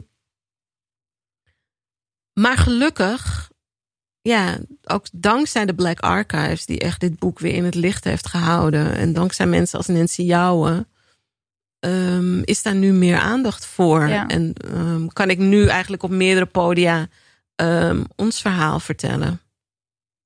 En je moet een Wikipedia-pagina. Ja, dat toevoegen. onnodig. Ik weet dat er iemand luistert die erg actief is bij Wikipedia.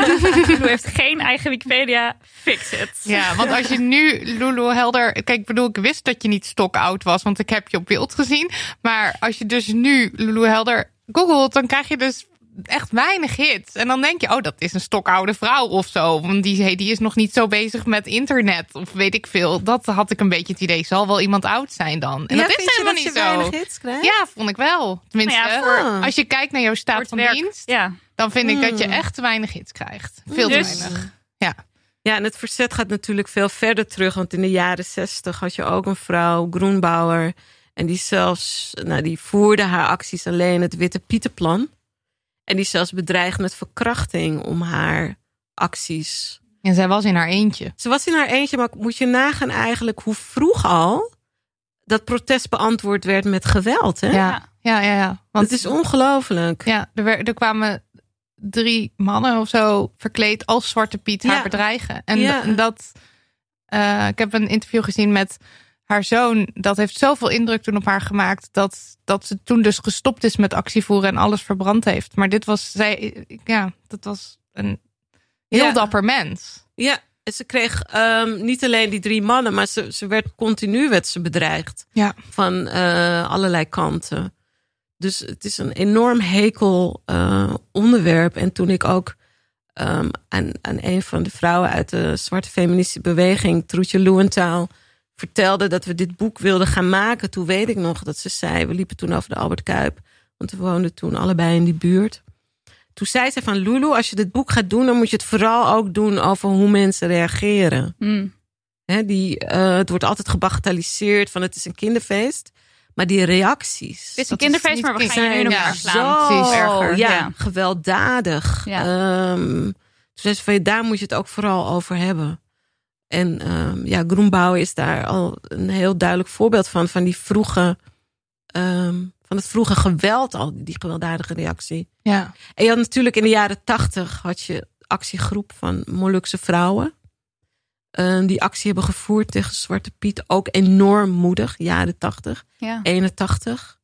In 88 had je Rahina Hassan Khan. Met dat boek Ook al ben ik zo zwart als roet. Eh, nou, dat heb ik eerder genoemd, maar ook een heel belangrijk werk. Ja. En toen eh, wij tien jaar later weer met het boek. En, ja, en dus, Ja. en dus in de vergetelheid eigenlijk. eh, ja, en toen dus allemaal vrouwen en allemaal... Ja. ja. Ja, maar die vrouwen inderdaad, weet je, die hebben echt hun nek uitgestoken. Dat is eigenlijk wat we ook moeten ehm, ja, meegeven. Hè? Ja. Dat als je in die tijd, en later ook hoor, maar ook in die tijd vooral als eenling vaak, of als een paar ja, geïsoleerde eh, groepjes je uitsprak, dat je enorm je nek uitstak. En dat die wetenschappers die in ons boek hebben geschreven, ook enorm hun nek uitstaken Ja.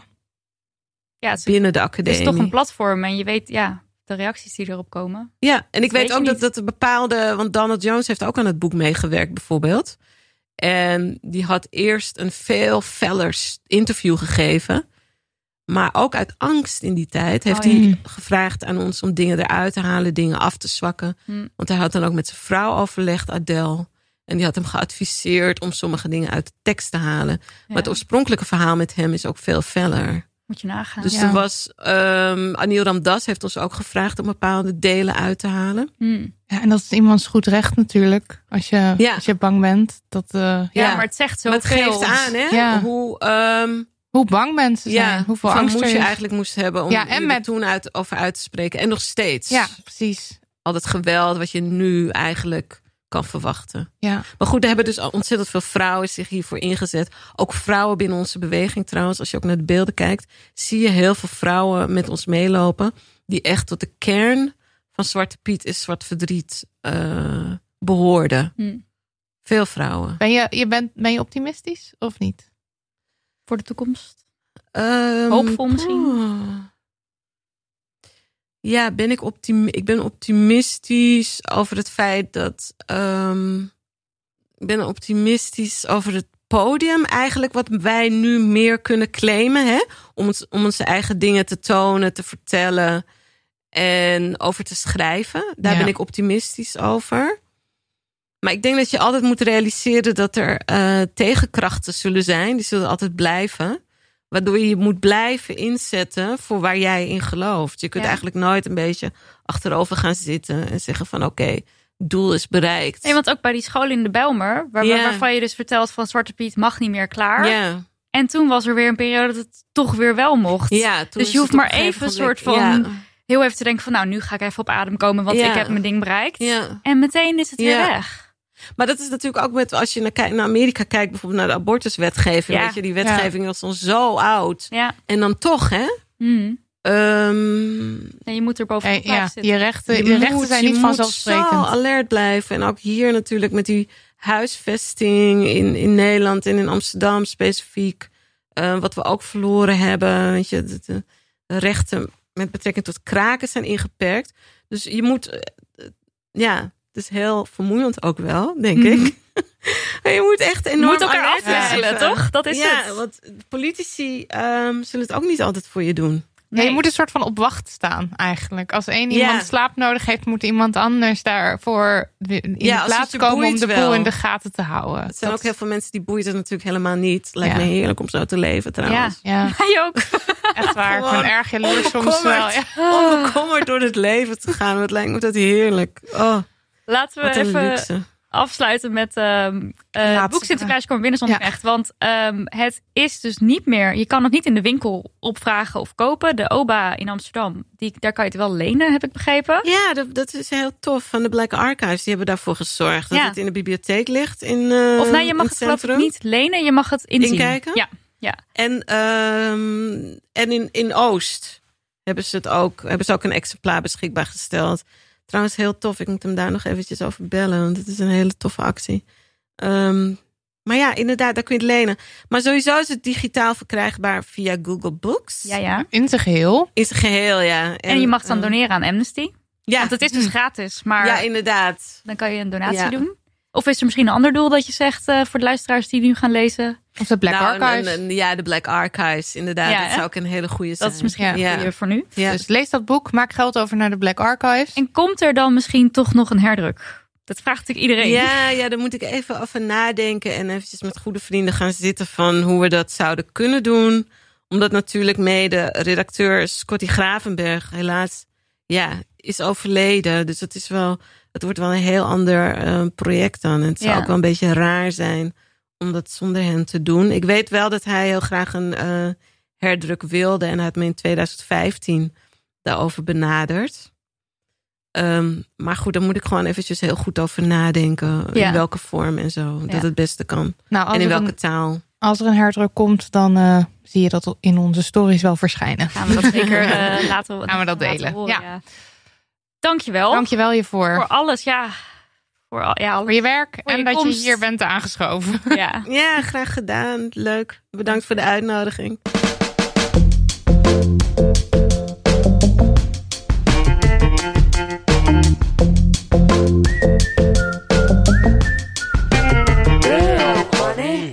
Tijd voor de afsluiter. De Damn Honey yes en no. En eventjes, Lulu is weg, want die had gewoon andere dingen te doen. Een Een mens leven. moet dingen doen. Ja. Het is ook Dus- al kwart voor zeven in de avond. Een mens moet eten bijvoorbeeld. Kan ik me voorstellen. Eh, dus we doen het even samen. Nidia, wat is je no?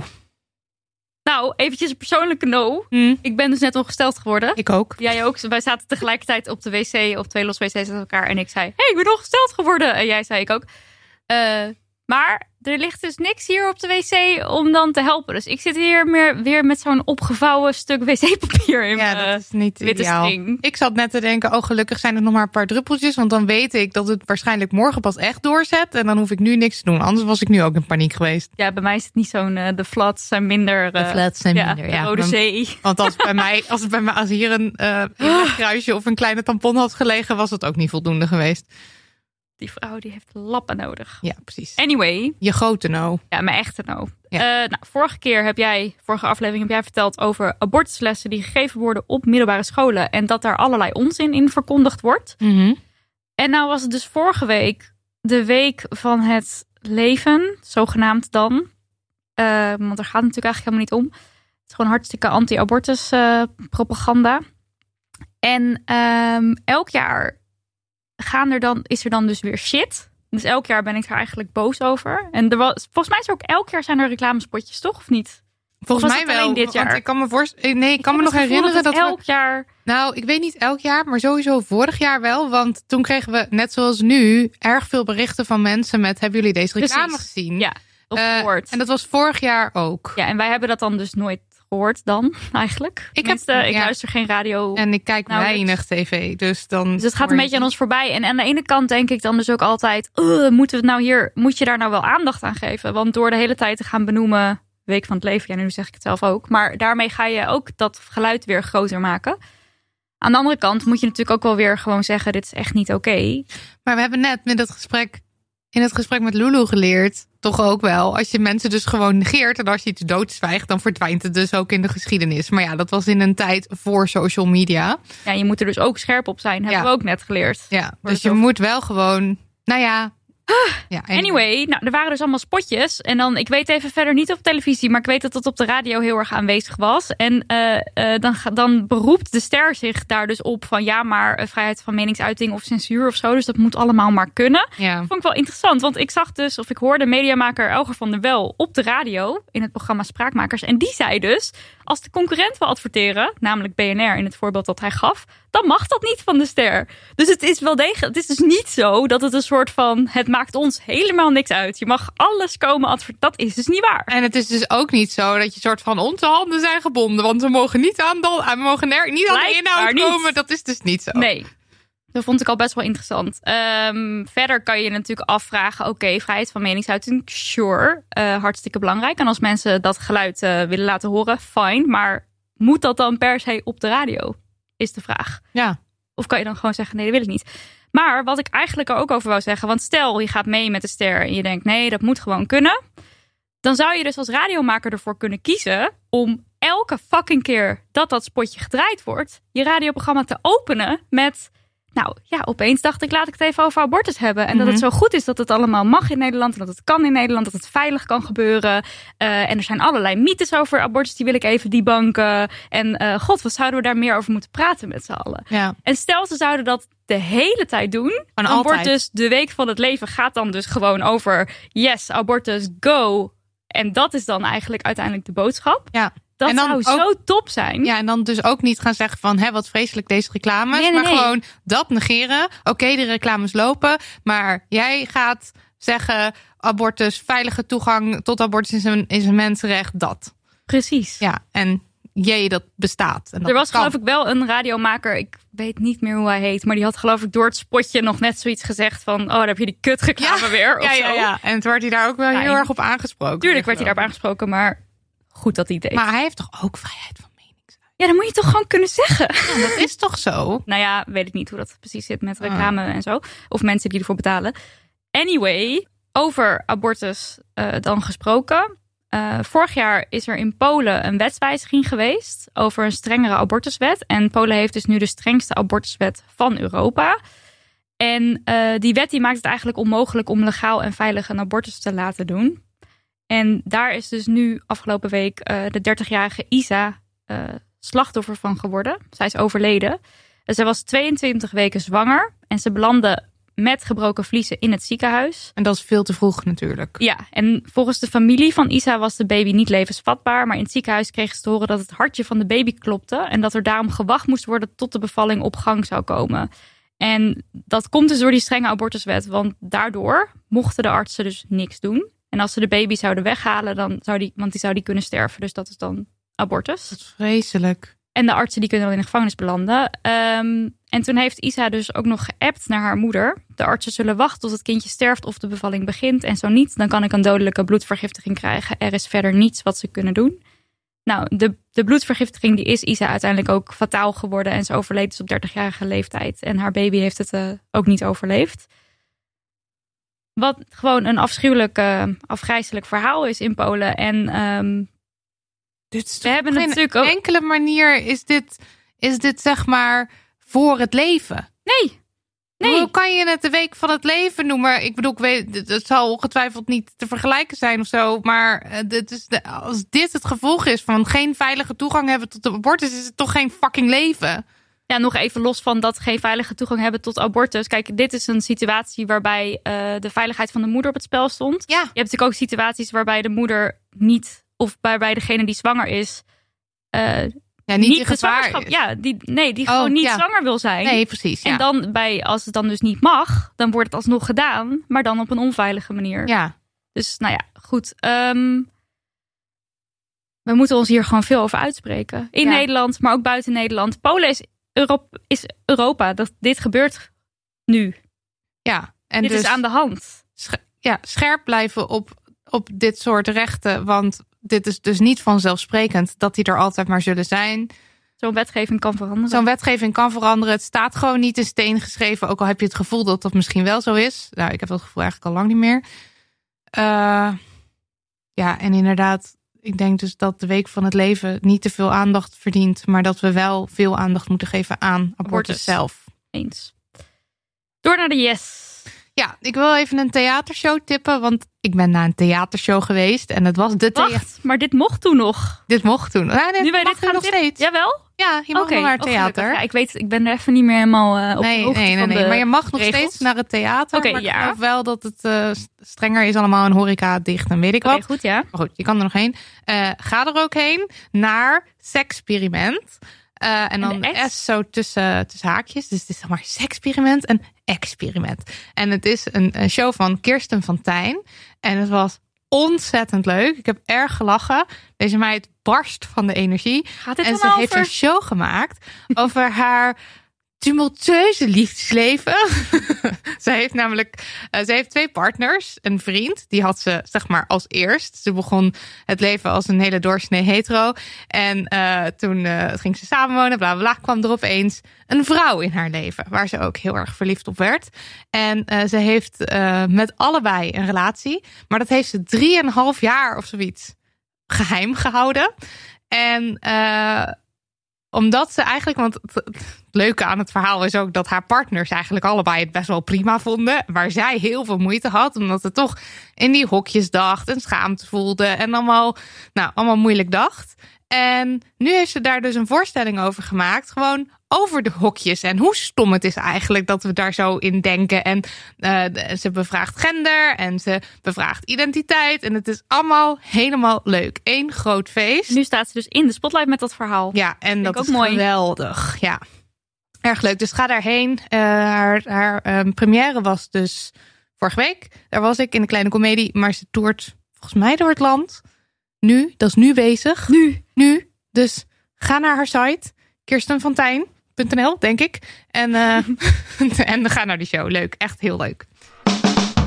Dit was aflevering 80. Nou, Lulu is dus niet meer hier aan tafel, maar toch nog maar even zo het universum in. Dankjewel, Dankjewel. Lulu, voor al je werk, voor alles.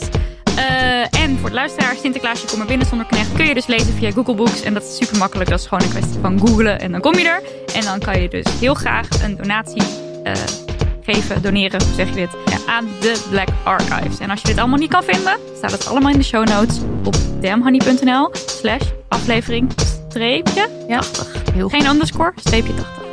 Eh, bedankt voor de edit Daniel van de Poppen. Bedankt voor de jingles Lucas de Gier. En bedankt voor de website Lisbeth Smit. Nou, lieve luisterschatten, fijn dat je aan de andere kant van de lijn hing. Ja, we love you. Leuk dat je er was. En zit je met een brandende levensvraag? Of wil je een leuk bericht delen? Of denk je nou, dit moeten deze meiden weten? Stuur het ons op. Stuur ons post. Doe het naar info.damhoney.nl En om de twee me- weken maken wij dus een bonus podcast. Een soort heel geheime, alleen voor intimi Ja. podcast. En in de laatste aflevering gaan we uitgebreid in op het doodenge scenario van The Big Blackout. Nou, heeft dit jou ontzettend eh, nieuwsgierig gemaakt? Vanaf 1 euro per maand kun je deze afleveringen luisteren. En daarvoor moet je naar petje.af slash damnhoney. Of niet. Zelf weten? Altijd. Ja? Ja. Oké, maar je, als je dat blackout Maar goed, de blackout. Je, is, je wilt voorbereid zijn op dit hoor. Want het is dus onvermijdelijk dat het gaat gebeuren. No Nou, spoilers. Love you. Doei. Doei.